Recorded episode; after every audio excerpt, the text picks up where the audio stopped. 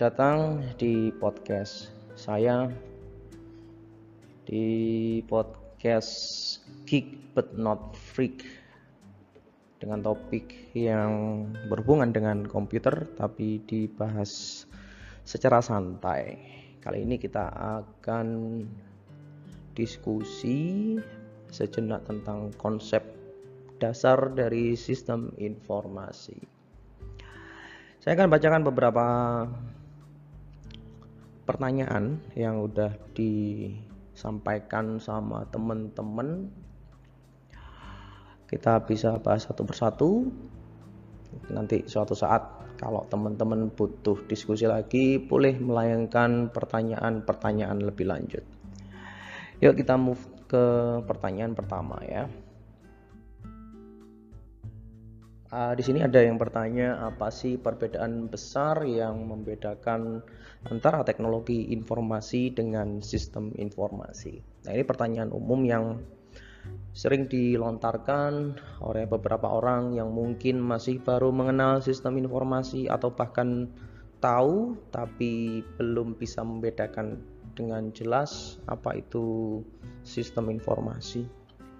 Namun uh, sampai saat ini pun nggak ada seorang pun yang bisa menjawab dengan pasti apa sih sistem informasi. Jadi semua orang boleh saja memberikan jawaban-jawaban. Semua orang boleh memberikan argumentasi apa yang disebut dengan sistem informasi. Tapi menurut saya sistem informasi itu ya namanya sistem berarti ada kaitannya antar satu komponen dengan komponen yang lain dan itu berhubungan dengan teknologi informasi. Jadi kalau mau menjawab pertanyaan ini ya jelas uh, sistem informasi itu ada kaitannya dengan teknologi informasi. Jadi untuk menjalankan roda kegiatan dari sebuah perusahaan atau sebuah pemerintahan, maka sistem informasi akan menggunakan teknologi informasi. Tuh. Jadi bisa dibilang eh, sistem informasi itu membutuhkan teknologi informasi. Nah, lalu karena tadi disebutkan bahwasannya membutuhkan teknologi informasi berarti membutuhkan yang lain. Iya, betul banget. Jadi teknologi informasi itu adalah salah satu komponen pembentuk dari sistem informasi. Jadi kita eh, sebagian besar orang akan memberikan tiga buah elemen di dalam sistem informasi. Yang pertama adalah teknologi, which is itu adalah teknologi informasi kemudian ada prosedur atau mekanisme di mana semua yang terjadi di dalam sistem itu harus didefinisikan dulu e, mekanisme dan prosedurnya. Kemudian siapa yang menjalankan prosedur itu? Ada yang namanya people atau person. Jadi ada tiga komponen person yang menjalankan sebuah proses, prosedur atau mekanisme yang dibantu oleh teknologi informasi untuk mencapai tujuan dari perusahaan atau organisasi. Oke, kita akan uh, lanjutkan pertanyaan ini karena uh, mungkin ada kaitannya dengan pertanyaan-pertanyaan yang lain. Terima kasih sudah bertanya tentang ini. Kita lanjut dulu ke pertanyaan berikutnya. Pertanyaan kedua apa sih sorry apakah sistem informasi itu akan berkembang pesat pada beberapa tahun ke depan.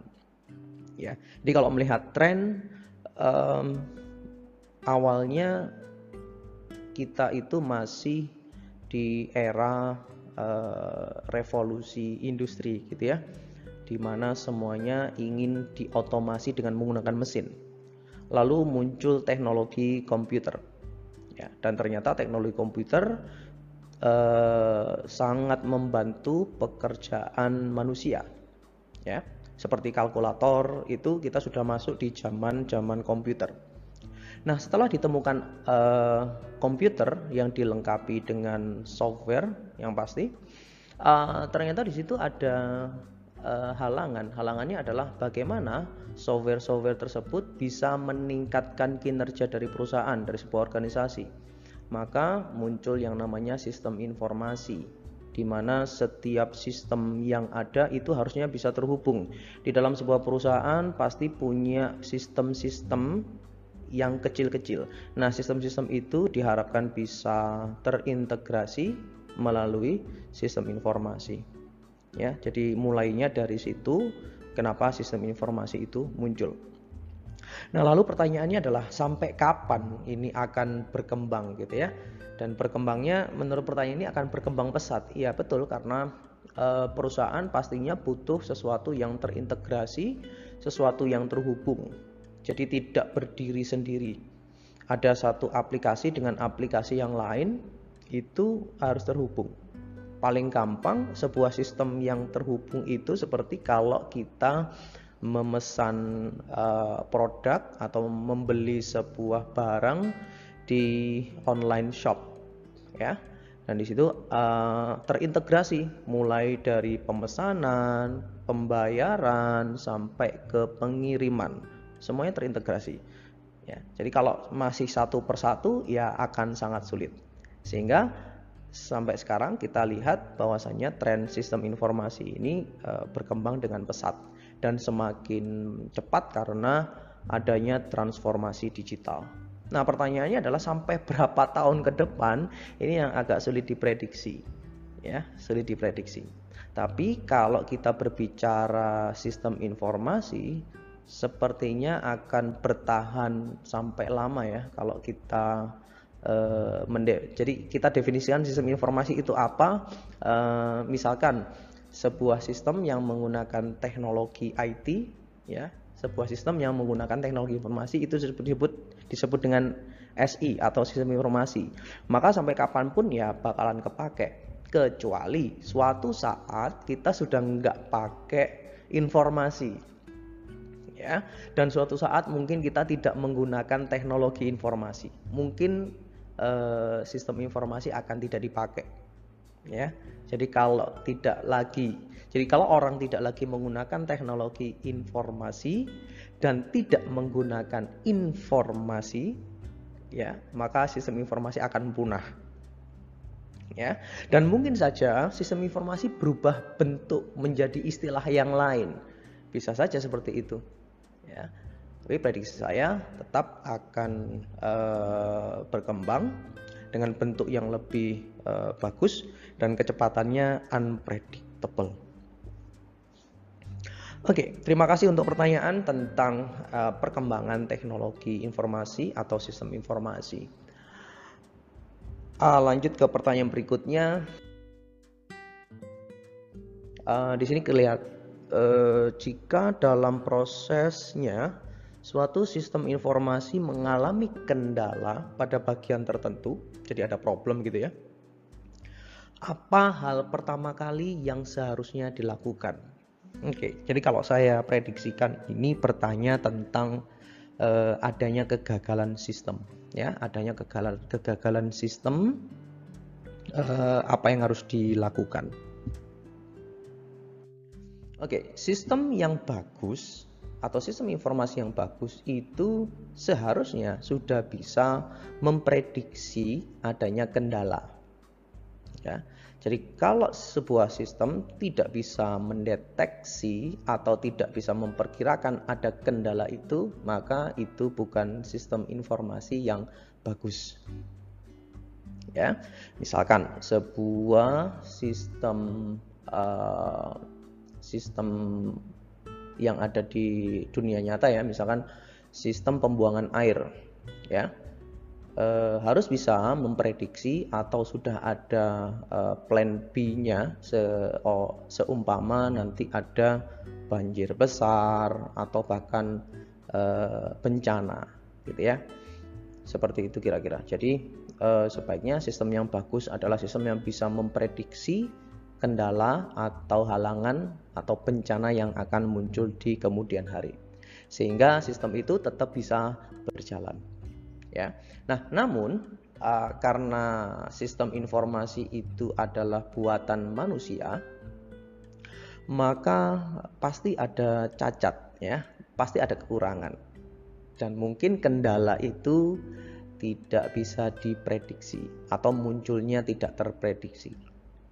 Maka nanti eh, peran dari seorang pimpinan, pimpinan IT atau pimpinan sebuah sistem informasi itu adalah melakukan eh, plan B-nya. Jadi kalau sistem tidak bisa bekerja atau ada kendala, maka plan B-nya apa? Semisal terjadi kecelakaan atau bencana, maka apa yang harus dilakukan secara prosedural? Ya, sebagai contoh, misal. Uh, di sebuah perusahaan memiliki infrastruktur teknologi yang pastinya butuh uh, listrik gitu ya dan ternyata terjadi kebanjiran atau gempa bumi gitu ya. Nah uh, yang harus dilakukan adalah misal dengan segera mematikan aliran listrik ya. Dan ini mungkin tidak bisa diprediksi maka tetap harus ada orang yang melakukan pekerjaan itu ya nah bisa juga kendala ini uh, diprediksi sebelumnya. Jadi bisa saja sebuah sistem itu nanti infrastrukturnya kena banjir, kena uh, blackout listrik dan lain sebagainya, maka ditempatkanlah backup. Ada fasilitas backup di luar uh, gedung itu misalkan. Ya. Jadi tetap uh, harus ada orang yang menangani. Ya. Oke, baik, terima kasih atas pertanyaannya.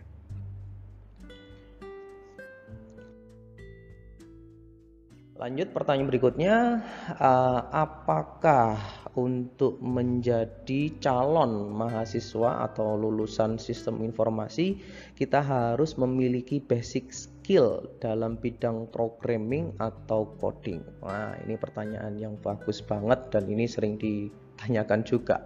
Kalau kita ngomong sistem informasi, uh, apakah kita tetap butuh skill untuk programming gitu ya? Nah, kalau teman-teman sekalian uh, mau bandingin gitu ya itu uh, seperti jurusan atau prodi manajemen gitu ya. Jadi uh, memang sistem informasi ini kental sekali dengan warna atau nuansa manajemen. Kenapa? Di depan tadi sudah saya bilang bahwasanya sistem informasi tidak hanya ngomongin tentang teknologi, tapi juga tentang mekanisme dan juga people ya. Dua hal ini membutuhkan kemampuan manajerial ya. Nah jangan lupa komponen yang satunya adalah komponen teknologi informasi jadi mau tidak mau kita juga wajib mengetahui minimal dasar-dasar dari teknologi informasi atau teknologi di komputer ya jadi uh, jawaban dari saya uh, wajib hukumnya Anda mengetahui uh, skill programming atau coding. Dan juga mungkin bukan cuman programming dan coding ya, karena di situ juga ada pengetahuan tentang data, pengetahuan tentang komputasi, statistik dan lain sebagainya ya untuk me menunjang uh, keberhasilan sebuah bisnis atau keberhasilan sebuah perusahaan. Ya, maka uh, tidak boleh dikesampingkan technical technical skillnya ini ya.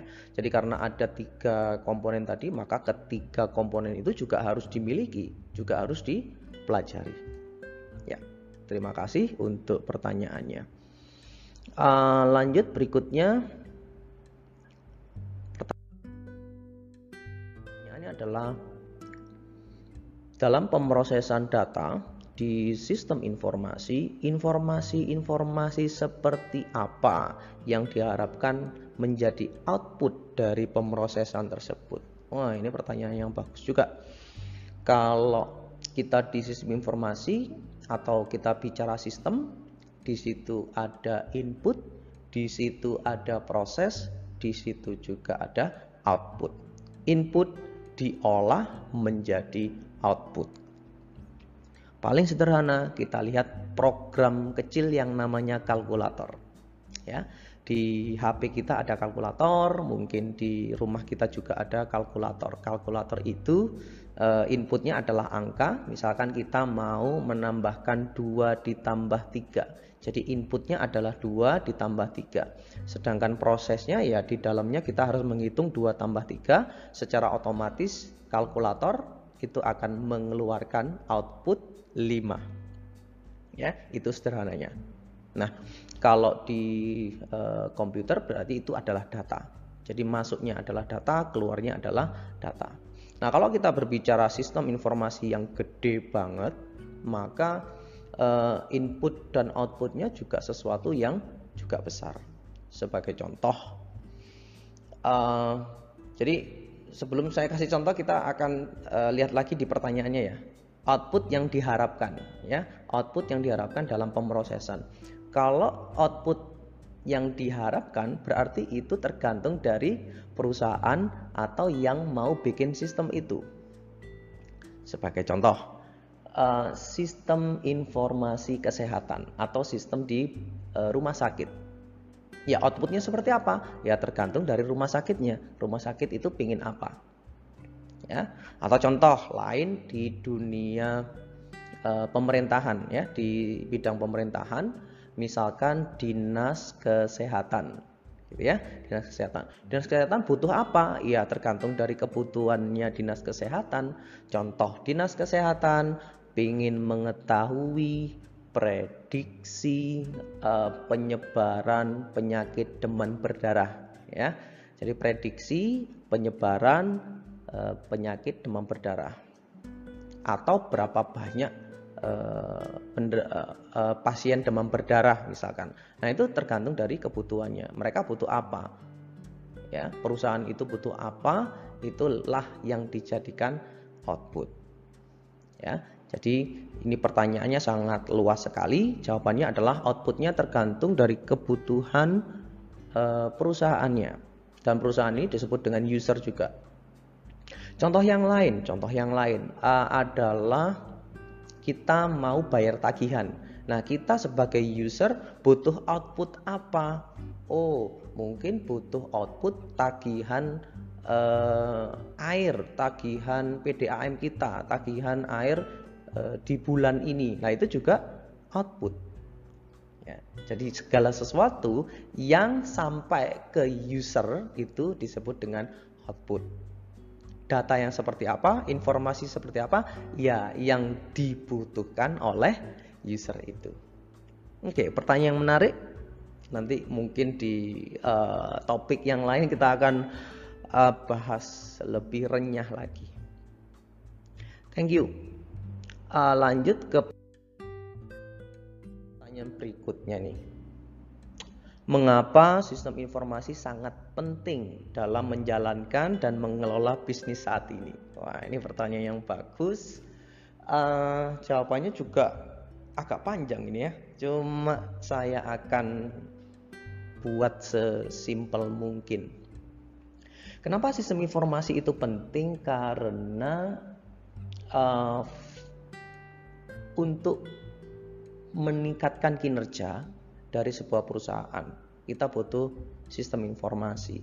Ya, jadi itu adalah ujungnya kenapa sistem informasi itu hadir atau buat bisnis itu sistem informasi untuk meningkatkan kinerjanya, mempercepat dan lain sebagainya.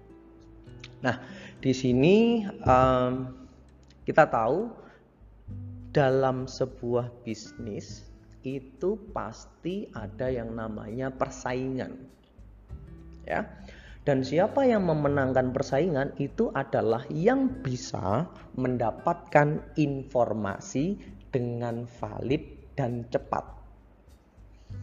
Ya, jadi uh, salah satu faktor kenapa bisnis itu bisa bagus adalah cepatnya mendapatkan informasi yang valid. Buat apa? Ya, seperti kita tahu, semua itu butuh informasi Ya, contoh sederhana kalau Anda mau jualan, Anda mau jualan apa? Anda harus tahu informasi yang beredar di pasaran, yang laku itu barang apa. kalau Anda mau uh, lihat atau bikin konten di YouTube, Anda juga harus tahu informasi bahwasanya sekarang trennya lagi lagi bahas apa. Contoh lagi bahas BTS dan lain sebagainya. Itu adalah informasi tren di dunia sekarang lagi banyak ngomongin BTS. Maka saya bikin konten berupa BTS. Ya. Jadi siapa yang pegang informasi dengan cepat dan valid itulah yang akan memenangkan persaingan bisnis. Ya. Nah, itu adalah uh, alasan mengapa sistem informasi itu penting. Lah kok bisa? Iya, karena sistem informasi dilengkapi dengan teknologi informasi. Kalau mau cepat ya gunakan komputer dong.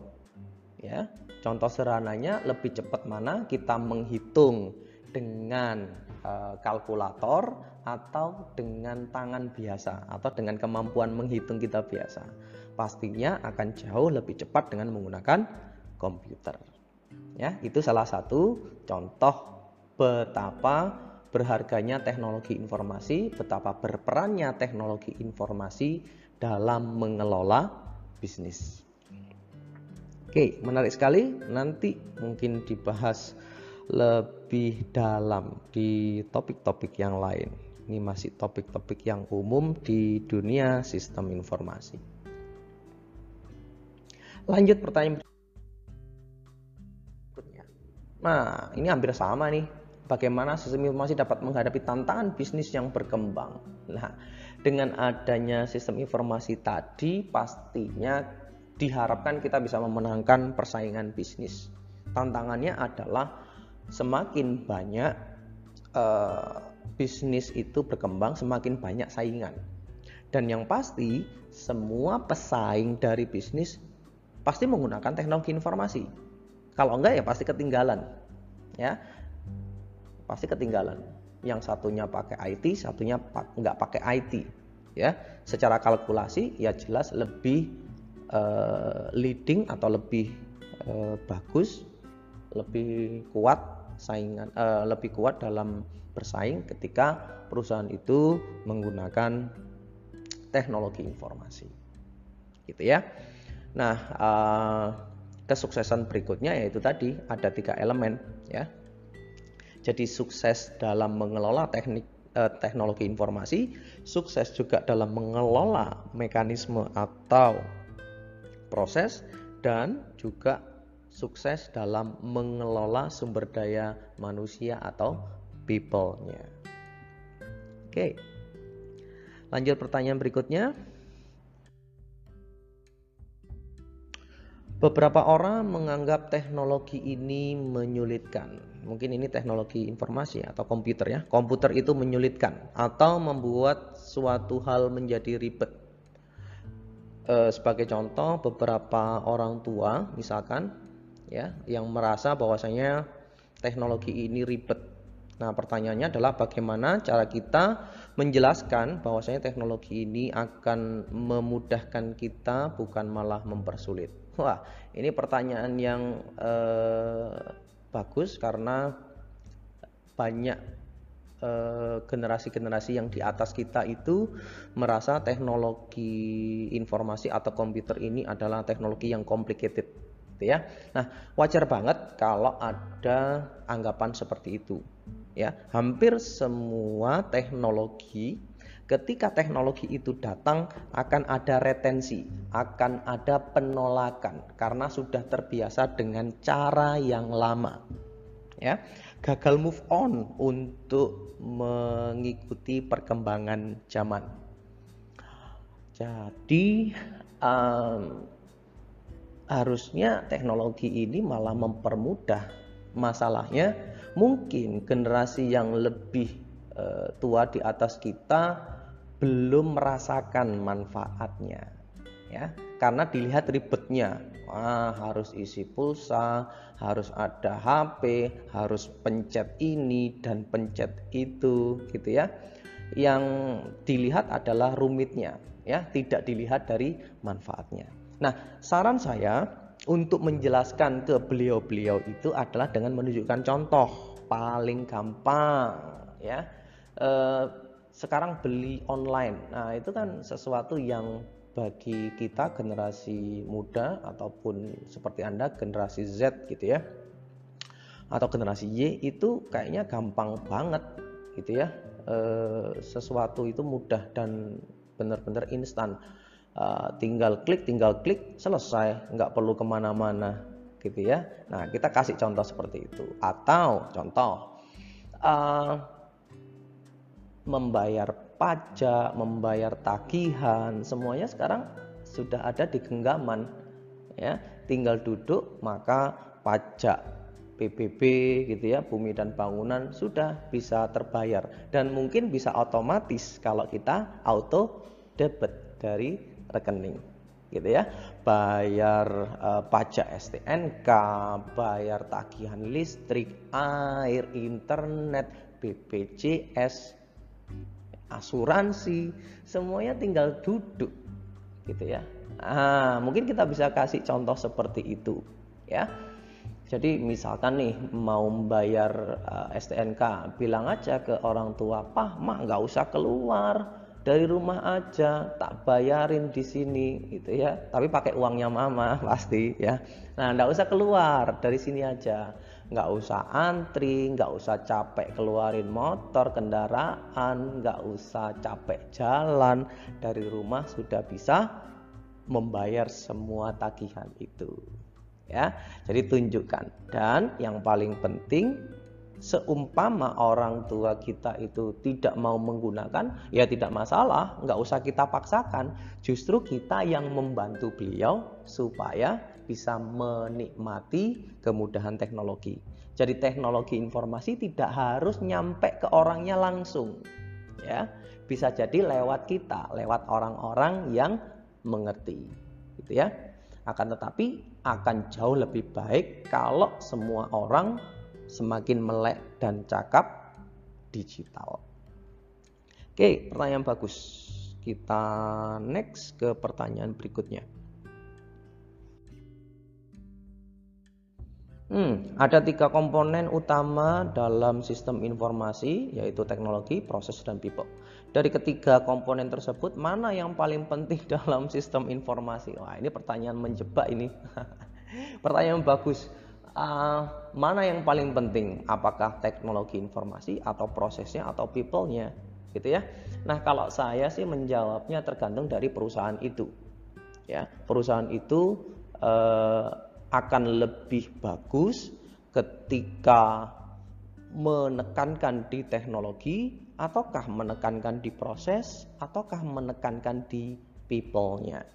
Ya, sekali lagi tergantung dari kebutuhan perusahaan atau organisasi. Namun, kalau mau dijawab secara umum ataupun general, um, komponennya ketiganya penting. Ya, kalau kita miss salah satu atau kita salah menempatkan prioritas ya jadi masalah nantinya. Jadi uh, untuk sementara kita anggap ketiga komponen ini sama-sama penting. Kalau mau dibilang mana yang penting tergantung dari perusahaan atau organisasi yang memakai sistem informasi. Oke, mantap pertanyaannya. Lanjut Yuk ke pertanyaan berikutnya, kenapa harus ada jurusan sistem informasi? Kenapa tidak jurusan informatika saja? Nanti pada saat penjurusan memilih tentang pengolahan sistem dan informasi. Oke, pertanyaan bagus.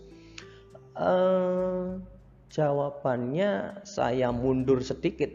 Uh, kalau boleh kita uh, mundur di sejarah gitu ya uh, teknologi informasi atau informatika itu lahir dari uh, jurusan elektronika. Ya. Nah, lahir dari jurusan elektronika. Nah, pertanyaannya berarti sama. Kenapa harus ada jurusan informatika? Ya. Harusnya ada cukup dengan teknologi atau teknik elektro lalu nanti ada penjurusan tentang informatika ya. Nah seperti itu jawabannya. Kira-kira mirip seperti itu. Nah, kalau saya melihatnya misalkan dari teknologi elektro kemudian muncul teknik informatika ya karena memang uh, ada ada hal khusus yang bisa dipelajari di teknologi komputer atau teknik informatika gitu ya. Uh, jadi nggak nggak uh, tergantung dari uh, passion sebenarnya. Jadi sedini mungkin sudah mengambil uh, penjurusan yang sudah uh, hampir berbeda dengan induknya.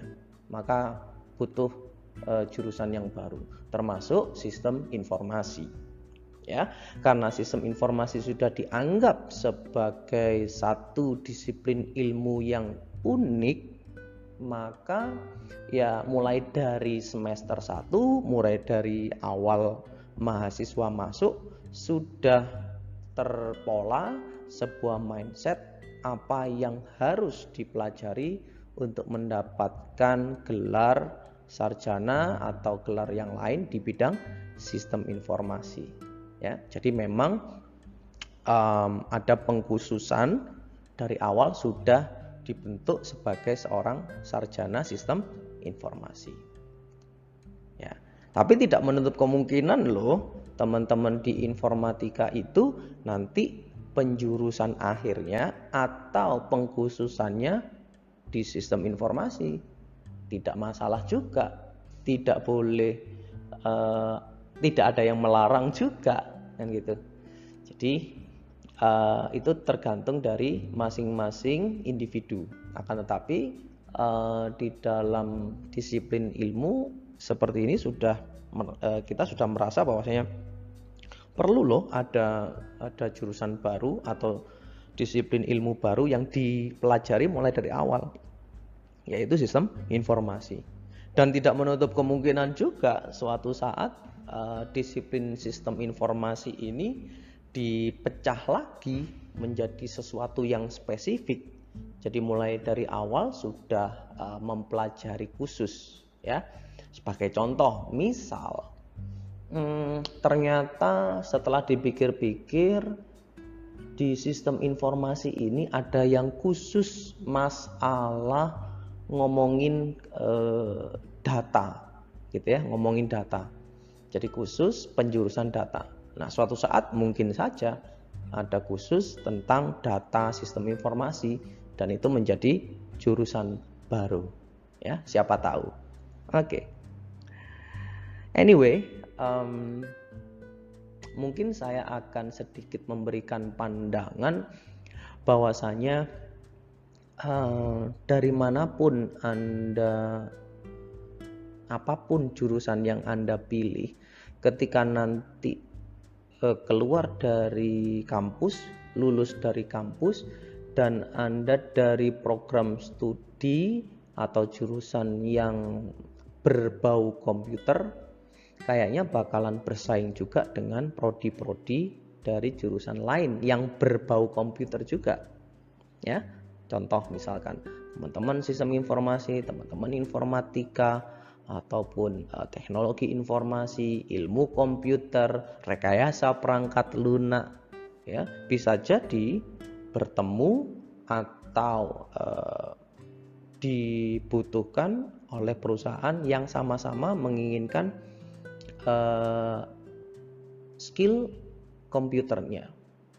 Jadi bisa saja Anda nanti juga uh, bersaing dengan teman-teman yang lain dari prodi atau jurusan yang berbau komputer.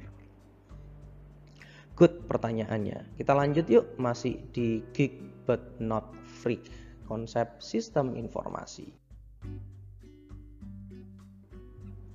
Oke, pertanyaan berikutnya, apa pendapat Bapak tentang sistem penyaluran informasi di Indonesia? Ya, atau lebih menjurus ke sistem birokrasi di Indonesia. Nah, ini pertanyaan yang bagus. Uh, saya coba interpretasikan ya. Jadi informasi uh, birokrasi yang ada di Indonesia mungkin bisa saya tarik ke topik e-government. Ya topik e-government. Jadi eh, birokrasi atau bidang pemerintahan itu juga sudah sadar bahwasanya butuh yang namanya teknologi informasi, butuh yang namanya sistem informasi untuk meningkatkan layanan kepada rakyat atau meningkatkan layanan kepada masyarakat. Jadi banyak nih sekarang eh, pemerintah eh, pusat maupun pemerintah daerah itu menerapkan e-government, smart city, dan lain sebagainya. Tujuannya adalah untuk mempercepat layanan kepada masyarakat. Paling gampang, saya kembali lagi ke layanan pemerintahan, misalkan pembayaran pajak, gitu ya, itu sudah berbasis teknologi informasi. BUMN BUMN juga uh, ikut di situ. Termasuk misalkan sekarang pelayanan eh, dinas kependudukan dan catatan sipil semuanya serba online. Nah, itu juga salah satu revolusi atau transformasi digital yang ada di birokrasi ya dan ini adalah salah satu topik yang ada di sistem informasi sehingga saya tunggu kontribusi Anda untuk memajukan bangsa ini lewat teknologi informasi. Kita percepat layanan kepada masyarakat. Kita perluas manfaat teknologi informasi untuk seluruh masyarakat dan warga negara Indonesia. Oke. Move on yuk ke pertanyaan berikutnya. Apa saja kriteria-kriteria dari sistem informasi yang baik dan benar? Waduh, ini um, ini ini rumit sekali karena harus dijawab dengan panjang ya.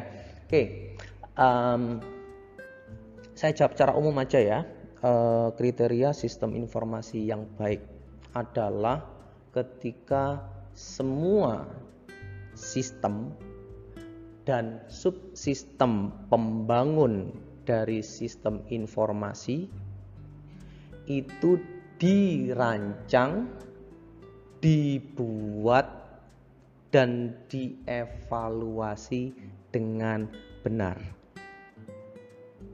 Itu bagi saya adalah kriteria sistem informasi yang baik dan benar. Ya. Semisal nih, kita mau bikin sistem yang uh, misalkan sistem apa yang paling gampang ya. Contoh adalah uh, eh, IoT ya, sebagai contoh IoT. Kita pingin ini contoh ringan aja di rumah ya di rumah kita pingin punya uh, perangkat misalkan lampu di rumah itu bisa kita kontrol secara otomatis. Ya bisa kita kontrol secara otomatis. Misal kalau malam otomatis lampunya itu nyala. Kalau siang nanti otomatis mati gitu ya. Nah itu adalah contoh sederhana. Jadi di rumah kita kita pasang sebuah sistem IoT kecil-kecilan supaya lampu itu bisa otomatis nyala atau mati sesuai dengan kebutuhan. Nah itu contoh ya. Nah kriteria yang bagus itu gimana? Nah kalau kita rancang dan kita buat lalu kita evaluasi. Gitu ya. Contoh kita ngerancang oh kita akan uh, membuat sistem yang seperti itu untuk lampu depan dan lampu atas misalkan. Lampu lantai satu dan lantai dua. Ya kita rancang nih. Oh kita butuh lampu berarti kita butuh sensor mungkin kita butuh perangkat-perangkat yang lain. Nah itu kita definisikan kita rancang dulu. Nah ya itu dirancang dengan baik. Kemudian dikerjakan dengan cara yang baik juga. Contoh, waktu masangnya, seri pada saat memasangnya harus betul, penempatannya juga harus betul, ya. Kemudian pengkabelannya harus betul dan teknologi-teknologinya. Sampai kepada evaluasi. Nah, harus dievaluasi benar enggak pada saat malam itu lampunya otomatis nyala. Ya. Bener nggak siang itu otomatis mati lampunya. Nah, itu juga bagian dari evaluasi. Ya. Jadi secara singkat, sistem yang bagus adalah sistem yang dirancang, dibuat dan dievaluasi dengan benar. Jadi nggak cuman buat aja, tapi juga dirancang sebelumnya. Nggak cuman dirancang dan dibuat saja, tapi dievaluasi. Ya, itu nanti juga Anda akan pelajari di sistem informasi. Semoga jawaban singkatnya bisa menjawab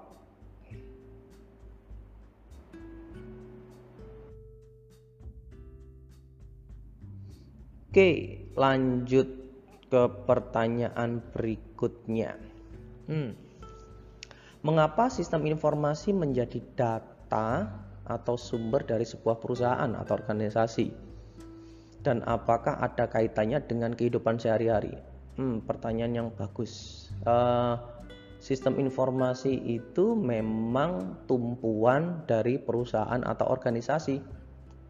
Ya, sudah sedikit saya singgung di depan supaya organisasi itu e, menang dalam persaingan bisnis ya dia harus membut dia harus punya informasi yang diambil dari sebuah sistem informasi yang diolah dengan menggunakan sistem informasi yang baik. Nah, jadi jawabannya seperti itu. Nah, pertanyaan yang berikutnya adalah apakah ada kaitannya dengan kehidupan sehari-hari? ya pastinya ada ya e, kaitannya dengan kehidupan sehari-hari. Artinya e, perusahaan itu atau organisasi itu pasti menghasilkan produk ataupun jasa. Nah, produk atau jasa ini pasti dinikmati oleh masyarakat atau user atau pengguna di kehidupan sehari-harinya. Ya. Jadi akhir dari sebuah sistem informasi itu sebenarnya melayani customer atau orang atau kita. Baik. Terima kasih atas pertanyaannya. Masih bersama Geek but not freak bersama saya Sony di konsep sistem informasi. Kita lanjut ke pertanyaan berikutnya. Wah, agak panjang. Tetap sama uh, komponen dari sistem informasi ada tiga people, proses, sama teknologi. Menurut Bapak bagaimana cara menerapkan tiga hal tersebut yang paling efisien pada saat pengolahan dan penyebaran data dan informasi berbasis artificial intelligence. Wah, ini keren banget ini sudah ngomongin artificial intelligence ya. Oke, saya akan jawab uh, singkat gitu ya, karena mungkin nanti ada topik sendiri kita bahas artificial intelligence. Oke, jadi uh, untuk menerapkan tiga hal itu sebenarnya bukan menerapkan ya, untuk mencapai sebuah tujuan bisnis ya. Jadi kita punya tujuan bisnis nih. Perusahaan punya goal gitu ya. Nah salah satu cara mencapai goal itu mungkin berbasiskan artificial intelligence ya jadi saya ulangi lagi sebuah perusahaan dalam mencapai tujuannya mungkin membutuhkan artificial intelligence Nah, pada saat membuat artificial intelligence ini, tiga komponen ini berperan di mana? Ya, pasti dalam artificial intelligence masih membutuhkan people, proses dan teknologi. Ya, jadi saya tidak bisa menjawab pertanyaan ini, hanya bisa menyambungkan. Ya, jadi people, proses dan teknologi akan berperan dalam membuat artificial intelligence. Gunanya untuk apa? Untuk melakukan efisiensi dalam pencapaian tujuan organisasi. Organisasi tujuannya buat apa? Ya tergantung dari organisasinya. Kalau organisasi atau perusahaannya itu jualan, ya jualnya semakin cepat, semakin banyak, untung semakin gede dan lain sebagainya. Ya, mantap.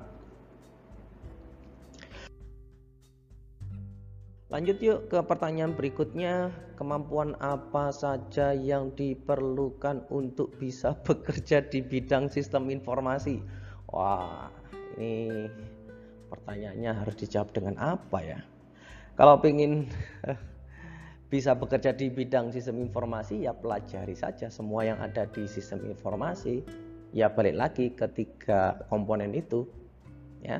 Anda harus bisa belajar konsep dasar ataupun implementasi dari teknologi, proses dan juga people.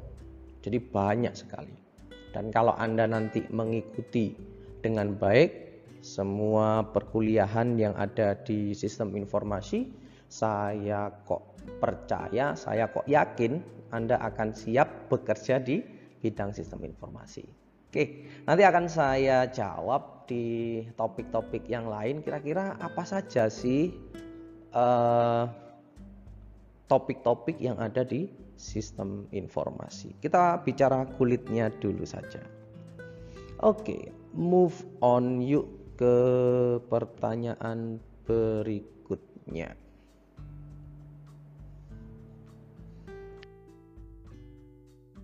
Dalam dunia kerja, biasanya bagaimana cara berpikir seorang lulusan sistem informasi atau di sini apa yang membedakan dengan jurusan yang lain, terutama jurusan yang ada di ranah IT juga. Hmm, pertanyaan bagus, mungkin juga ada kaitannya dengan pertanyaan-pertanyaan sebelumnya.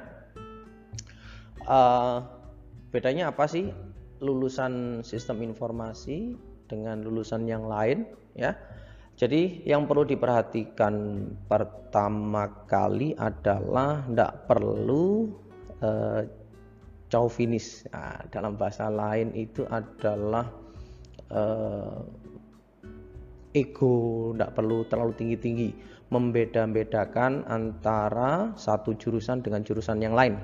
Semua jurusan yang ada di IT itu semua bagus. Ya, sekali lagi semuanya bagus tidak bisa dibandingkan karena masing-masing punya spesifikasi sendiri-sendiri, punya ilmu spesifik yang dipelajari sendiri-sendiri. Jadi jangan salah sangka kalau saya e, ngomongin sistem informasi maka sistem informasi paling bagus di antara yang lain. Tidak, semuanya bagus. Bahkan kalau dibandingkan dengan jurusan-jurusan lain juga sama, semua berpeluang untuk mendapatkan rezeki, semua juga berpeluang mendapatkan gaji yang besar, semua berhak mendapatkan uh, penghargaan, ya itu tergantung dari uh, seberapa kuat usaha kita. Oke, balik lagi ke pertanyaan ini. Nanti bedanya apa kalau anak-anak sistem informasi?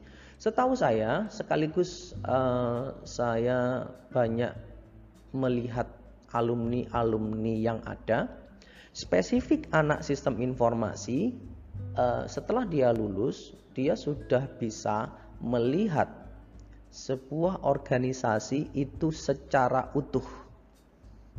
Ya.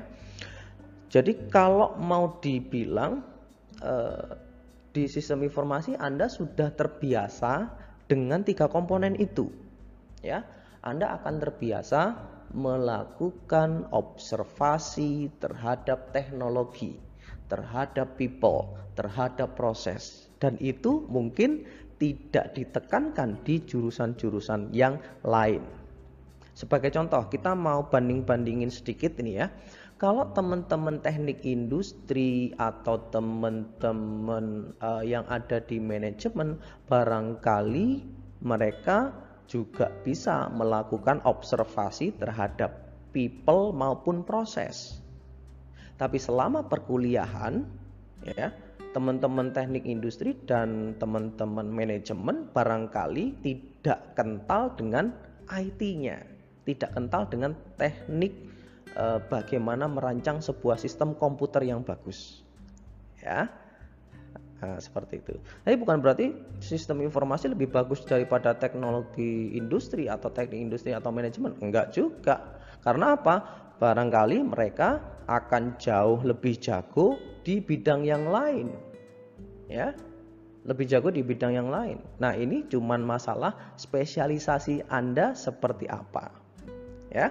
Jadi sekali lagi, Anda akan jauh lebih lebih siap untuk mempotret atau melihat sebuah sistem di bidang uh, sorry di perusahaan atau organisasi itu dari ketiga aspek yang ada people, proses, teknologi.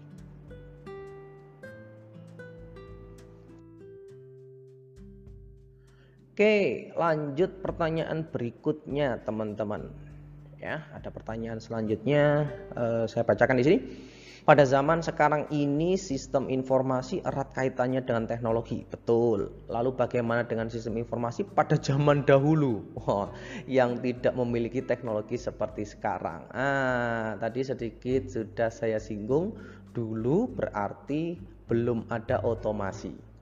Ya, jadi sistemnya adalah sistem yang berjalan secara mekanik tidak ada informasi digital yang berpindah dari satu tempat ke tempat yang lain. Semuanya masih based on paper, ya, e, masih berbasiskan kertas, gitu ya, atau masih e, sifatnya manual. Sebagai contoh, misalkan di sebuah pabrik, pabrik ini mengolah bahan mentah menjadi barang jadi Nah, memang sudah uh, ada sistemnya, sudah ada otomasinya, tapi otomasi berbasis mekanik.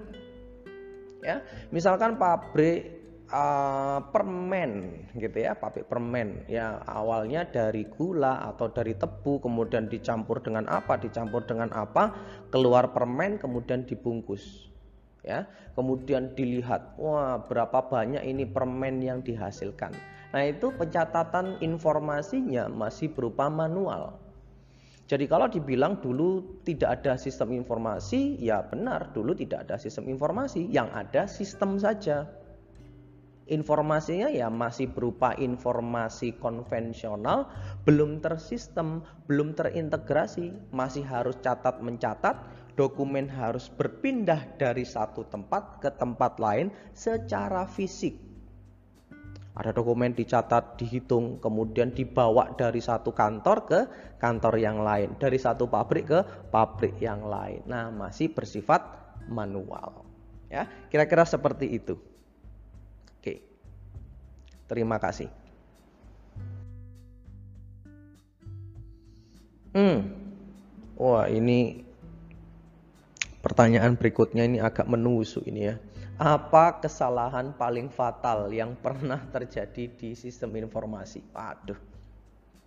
Ini case by case ya, ini case by case. Kesalahan yang yang pernah terjadi ya tergantung dari problemnya. Kalau kesalahan yang paling fatal ini juga uh, unda-undi kalau kata orang Jawa. Um, unda-undi itu ya case by case tidak bisa digeneralisir. Ya, jadi kesalahan yang fatal itu bisa berakibat uh, kerugian. Kerugiannya bisa berupa material maupun non material atau imaterial. Ya. Uh, sebagai contoh sederhana saja uh, kita ambil kasus yang sering terjadi dan marak gitu ya, yaitu kebocoran data ya, itu juga adalah salah satu kesalahan ya kesalahan sistem. Oke. Ya, kalau boleh dibilang itu ya kalau kita ngomongin itu sistem informasi ya itu berarti ada kesalahan. Fatal atau tidaknya ya ya tergantung dari kondisinya seberapa fatal karena fatal bagi beberapa orang beda-beda ya fatal itu seperti apa dan e, sejauh ini mohon maaf saya tidak bisa mengukur seberapa fatal itu dan yang paling fatal apa yang jelas ketika ada kerugian imaterial maupun material itu adalah kesalahan sebuah sistem. Ya, dan itu juga bisa terjadi gara-gara itu tadi tiga komponen itu. Bisa saja teknologinya yang salah atau uh, prosesnya yang salah atau manusianya yang salah. Ya oke. Berat banget saya jawab pertanyaan ini yuk move on yuk biar nggak terngiang-ngiang lanjut ke pertanyaan berikut wah masih banyak ini pertanyaan Seberapa pentingkah peran dari lulusan SI di masa depan? Wah, penting banget. Dan bagaimana cara seorang berlatar belakang sistem informasi dapat membangun Indonesia di masa yang akan datang? Wah, luar biasa. Uh, saya suka pertanyaan ini. Kita sebagai generasi muda itu harus punya cita-cita membangun Indonesia lebih maju di masa yang akan datang. Ya.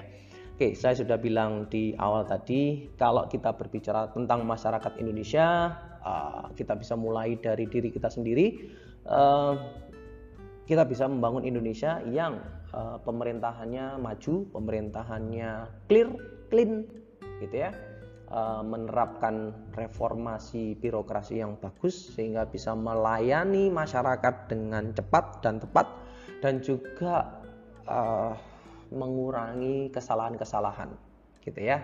Tadi juga saya sebutkan kebocoran data ya harusnya tidak sampai terjadi ya. Itu adalah tanggung jawab kita nantinya oke.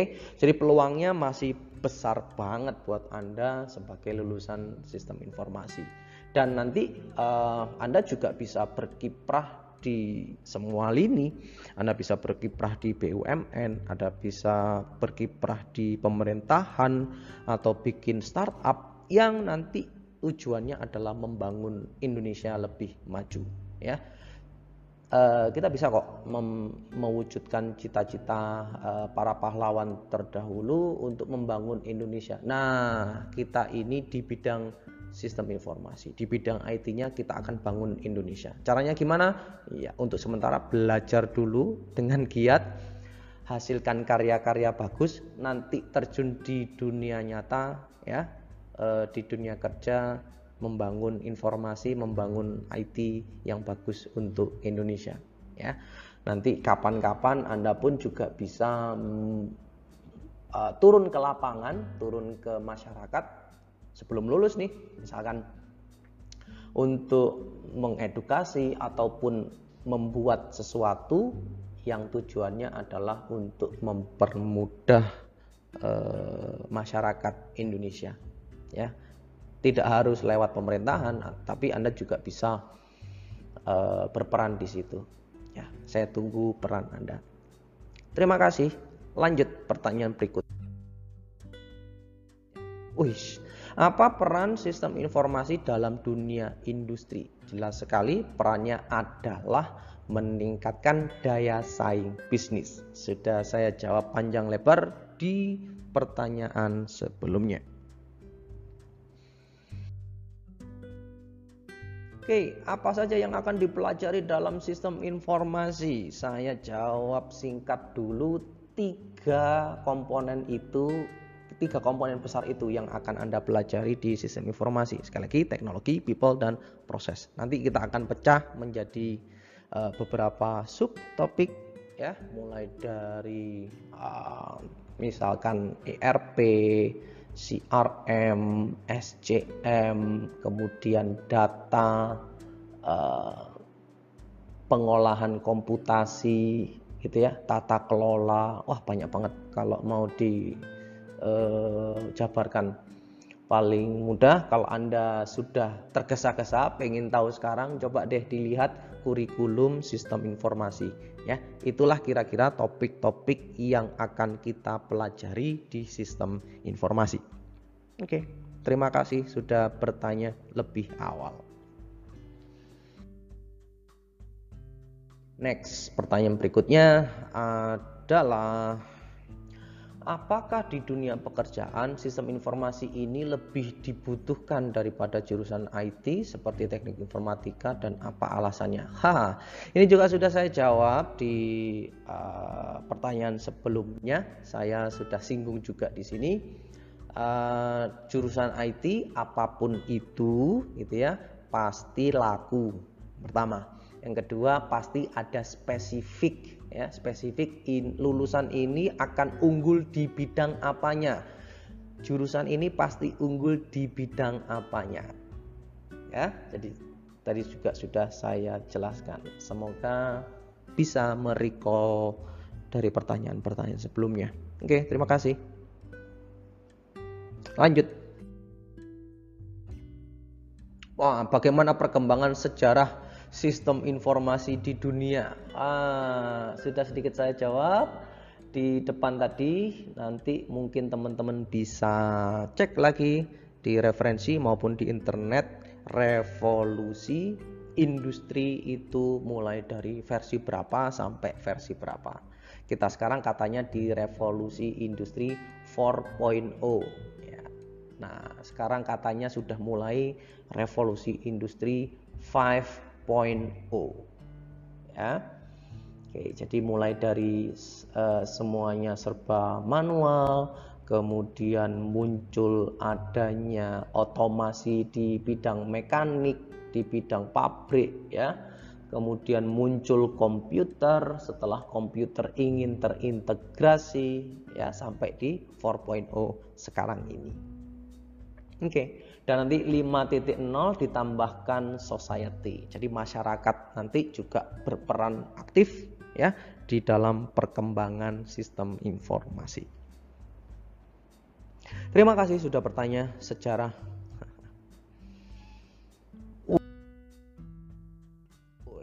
Berikutnya, mekanisme apa yang harus dilakukan apabila output dari sebuah sistem memiliki kesalahan?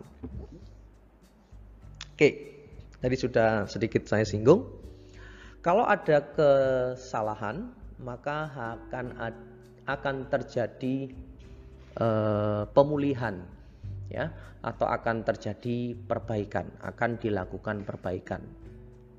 Jadi kalau sistem yang bagus, maka perbaikan dari kesalahan itu akan dilakukan secara otomatis.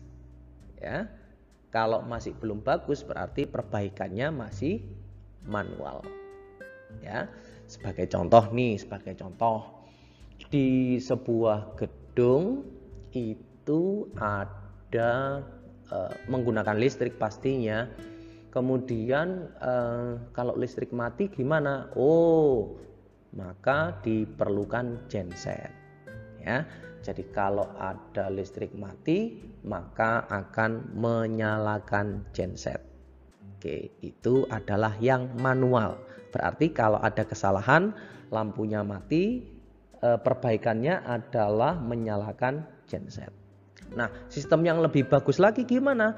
Tanpa genset harus dinyalakan, tanpa harus nunggu orang, genset itu harus bisa nyala sendiri ketika listrik mati.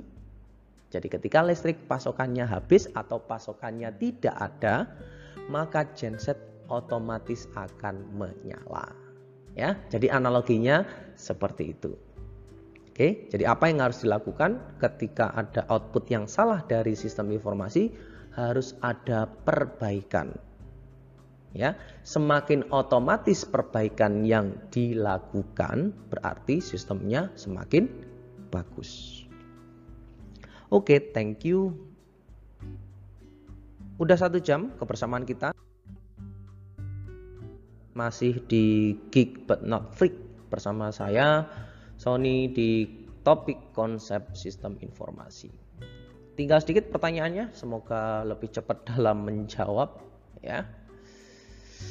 Pertanyaan berikutnya, sistem informasi memiliki tiga komponen wajib. Bagaimana contoh penerapannya di kehidupan sehari-hari? Uh, untuk di kehidupan sehari-hari kayaknya agak uh, rumit ya, kayaknya agak rumit. Tapi di sini saya akan kasih contoh yang barangkali hmm, kelihatan di mata Anda atau kelihatan di dunia real. Oke, yang pertama uh, ada sistem marketplace lah ya. Kita suka online shop. Kita kasih contoh online shop. Online shop itu punya mekanisme mekanismenya adalah penjual menaruh katalog barang-barang yang dijual. Pembeli membeli barang sesuai dengan katalog yang disediakan oleh penjual beserta harganya dan berapa banyak atau kuantitasnya. Oke. Penjual sorry, pembeli akan mengirimkan uang atau membayar sesuai dengan pesanan. Setelah itu barang akan di packing oleh penjual dan dikirimkan melalui jasa kurir. Kurir akan mengirimkan barang dari penjual kepada pembeli. Itu contoh singkat dari mekanisme. Ya. Nah, udah ketahuan nih people-nya siapa saja kalau mau disederhanakan. People-nya adalah penjual, pembeli, kurir dan lain sebagainya. Ya, ini contoh-contoh sederhana dari people. Ya. Kemudian teknologi, iya sudah kelihatan teknologinya adalah mungkin smartphone atau aplikasi marketplace yang sama-sama dimiliki oleh penjual dan pembeli termasuk yang ada kaitannya dengan kurirnya. Ya, jadi itu contoh sederhana penerapan tiga komponen tersebut. Nanti kita akan breakdown dan bahas lebih lanjut di podcast-podcast berikutnya. Terima kasih sudah bertanya.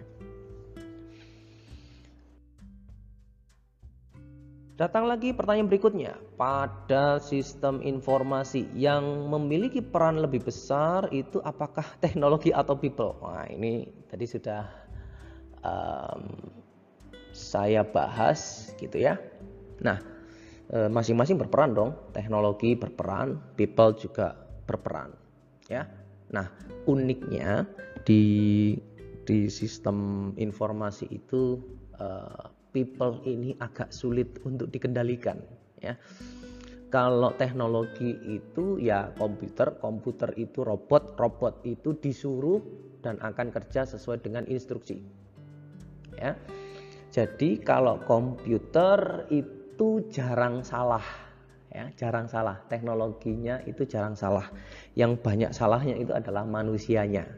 Nah, maka sistem informasi nanti Anda juga akan belajar bagaimana supaya kita bisa mengatur people dengan lebih baik supaya proses yang terjadi di sebuah sistem informasi itu bisa berjalan sesuai dengan rencana.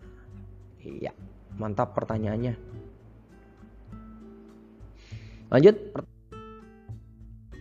berikutnya kesalahan atau kekurangan apa saja yang sering terjadi Mm-mm, dan apakah di setiap aspek kehidupan juga membutuhkan sistem informasi tidak hanya pada perusahaan? Oke, pertanyaan pertama tadi sudah terjawab. Saya akan jawab pertanyaan yang kedua ini. Apakah di setiap aspek kehidupan membutuhkan sistem informasi? Oke, jawabannya sistem informasi bisa diterapkan di semua aspek kehidupan. Sekali lagi, sistem informasi, otomasi, komputerisasi, digitalisasi bisa diterapkan di semua aspek kehidupan. Pertanyaan berikutnya, apakah perlu aspek kehidupan itu didigitalisasi? Perlukah aspek kehidupan itu diotomasi atau dibuatkan sistem informasinya? Ya, jadi bisa semua aspek kehidupan bisa, tapi apakah apakah perlu ya apakah perlu atau mungkinkah itu ya nah, diterapkan. Nah itu ada kajiannya sendiri. Bisanya bisa banget di semua aspek kehidupan? Iya bisa. Ya nah nanti ada uh, uh, pertimbangan lain gitu ya seperti masuk akal nggak sih kalau ini didigitalisasi dan lain sebagainya Oke, lanjut. Pertanyaan berikutnya. Wah, masih banyak. Bagaimana cara kerja dari sistem informasi? Cara kerjanya ya sama, ada komponen-komponen pembentuk sistem informasi, ada input berupa data atau informasi diproses, jadinya adalah informasi, dikelola lagi, diolah lagi jadi informasi yang lebih berharga lagi. Ya, jawaban singkat saya seperti itu. Oke, masuk pertanyaan berikutnya. Apakah implementasi atau penerapan sistem informasi dalam kehidupan sehari-hari selalu berkaitan dengan bisnis? Oke, saya jawab iya, selalu berkaitan dengan bisnis. Tapi bisnisnya tidak harus selalu berujung pada uang. Tapi ada sebuah value, ada sebuah keuntungan yang bisa diraih. Jadi kalau Anda berprinsip bisnis itu selalu uang, silahkan ya. Akan tetapi uh, sistem informasi ya itu akan memperbaiki bisnis ya atau memperbaiki proses, meningkatkan proses, meningkatkan kemanfaatan atau memberikan kemanfaatan kepada semua penggunanya. Ya. Oke, mantap.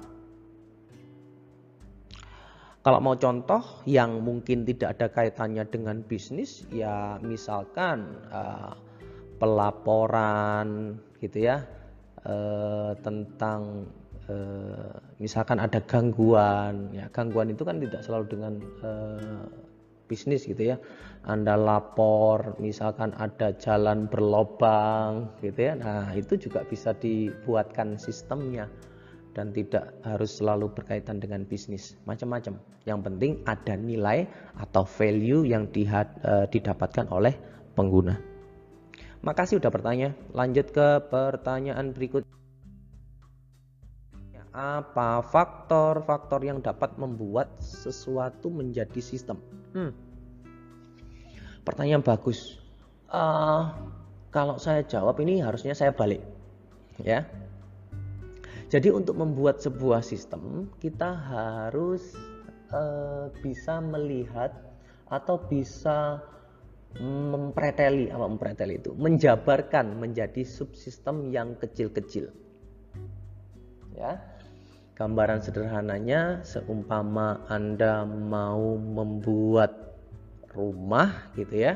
Rumah itu kita anggap sebagai sistem, maka apa saja yang harus dibuat untuk membangun rumah jelas ada komponen berupa pondasi eh, ya ada berupa eh, pilarnya atau kolom kemudian ada komponen balok misalkan ada komponen dinding ada komponen atap dan lain sebagainya ya jadi eh, saya akan balik pertanyaan ini untuk membuat sistem itu butuh subsistem apa saja. Ya. Jadi saya belum bisa menjawab uh, pertanyaan yang detail-detail karena kita masih melihat sistem informasi secara umum. Oke, apa saja sistem-sistem yang terdapat dalam sistem informasi? Ini juga mohon maaf uh, tidak bisa saya jawab uh, secara detail Uh, tapi semoga dari pertanyaan-pertanyaan sebelumnya bisa menjawab dan topik-topik uh, spesifik tentang sistem informasi akan saya jawab di pertemuan atau podcast berikutnya.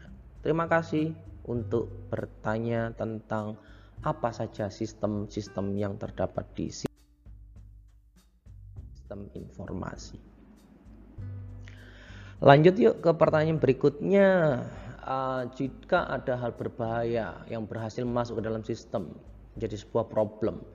Saya ingin bertanya, manakah yang lebih baik? Apakah dengan mengeluarkan hal yang berbahaya tersebut atau mengatasi problem dengan menaikkan kualitas pertahanan sistem? Terima kasih. Oke, langsung saya jawab. Kalau terjadi hal-hal seperti itu, maka sama kita harus tetap meningkatkan kualitas dan pertahanan sistem. Harus. Jadi sebuah sistem yang baik adalah kualitas defense dari sebuah sistem itu harus bagus, ya. Nah, akan tetapi tetap juga harus punya mekanisme untuk mengeluarkan hal yang berbahaya tersebut. Ya, bisa jadi dengan kualitas pertahanan sistem yang bagus, maka hal-hal yang berbahaya yang masuk ke dalam sistem tersebut otomatis bisa keluar. Ya. Nah, nanti akan seru nih kita akan berbicara tentang topik tentang keamanan sistem informasi. Jadi kualitas pertahanan dari sistem kita harus bagus sehingga bisa mengeluarkan barang yang tidak diinginkan keluar dari sistem atau jangan sampai barang yang asing itu masuk ke dalam sistem kita. Terima kasih untuk yang bertanya tentang itu. Lanjut dengan pertanyaan berikutnya. Hmm, panjang. Sistem informasi merupakan serangkaian proses yang berhubungan dari beberapa komponen. Ada input berupa data dan menghasilkan output berupa informasi. Betul. Lantas bagaimana jika satu komponen tersebut mengalami kerusakan dan berapa seberapa dampaknya terhadap informasi yang akan menjadi output. Oke, jadi kalau ada sebuah sistem yang mati atau subsistem yang mati dan itu ada kaitannya dengan sistem berikutnya ya pasti mempengaruhi. Ya. Maka uh, ini seninya nanti akan Anda pelajari bagaimana rantai proses itu harus berjalan.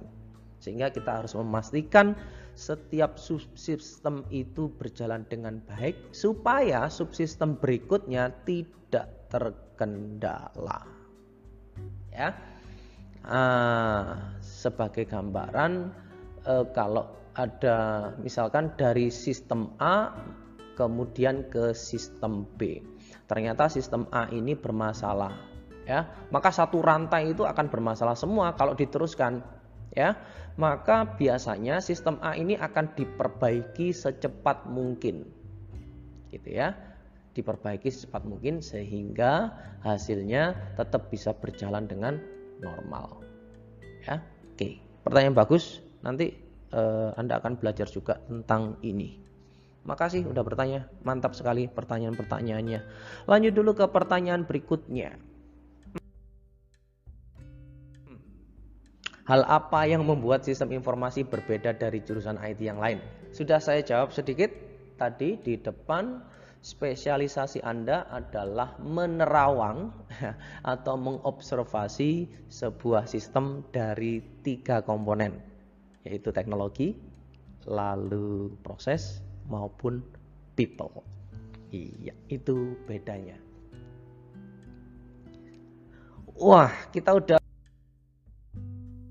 berada di uh, ujung pertanyaan. Ini pertanyaan terakhir. Karena sistem informasi juga berhubungan dengan manajemen, betul? Apa saja komponen manajemen dalam SI? Ah, jadi kita akan memanage atau mengatur tiga komponen tadi. Kita akan mengatur teknologi, kita akan me mengelola teknologi, kita akan mengelola proses atau mekanisme, kita juga akan mengelola people. Ya, jadi manajemennya apa saja? Ya tiga macam manajemen itu yang akan kita pelajari, yang akan kita atur. Ya. Nah, jadi kesimpulannya kita akan melakukan pengelolaan terhadap sumber daya yang ada kaitannya dengan teknologi informasi untuk meningkatkan daya saing bisnis di sebuah perusahaan atau organisasi. Itu kesimpulan atau closing statement saya untuk podcast kita pada kesempatan kali ini. Semoga betah dengan podcastnya. Mohon maaf agak panjang. Kita ketemu lagi di podcast-podcast berikutnya. Stay safe, stay healthy, tetap geek but not freak. Sampai jumpa.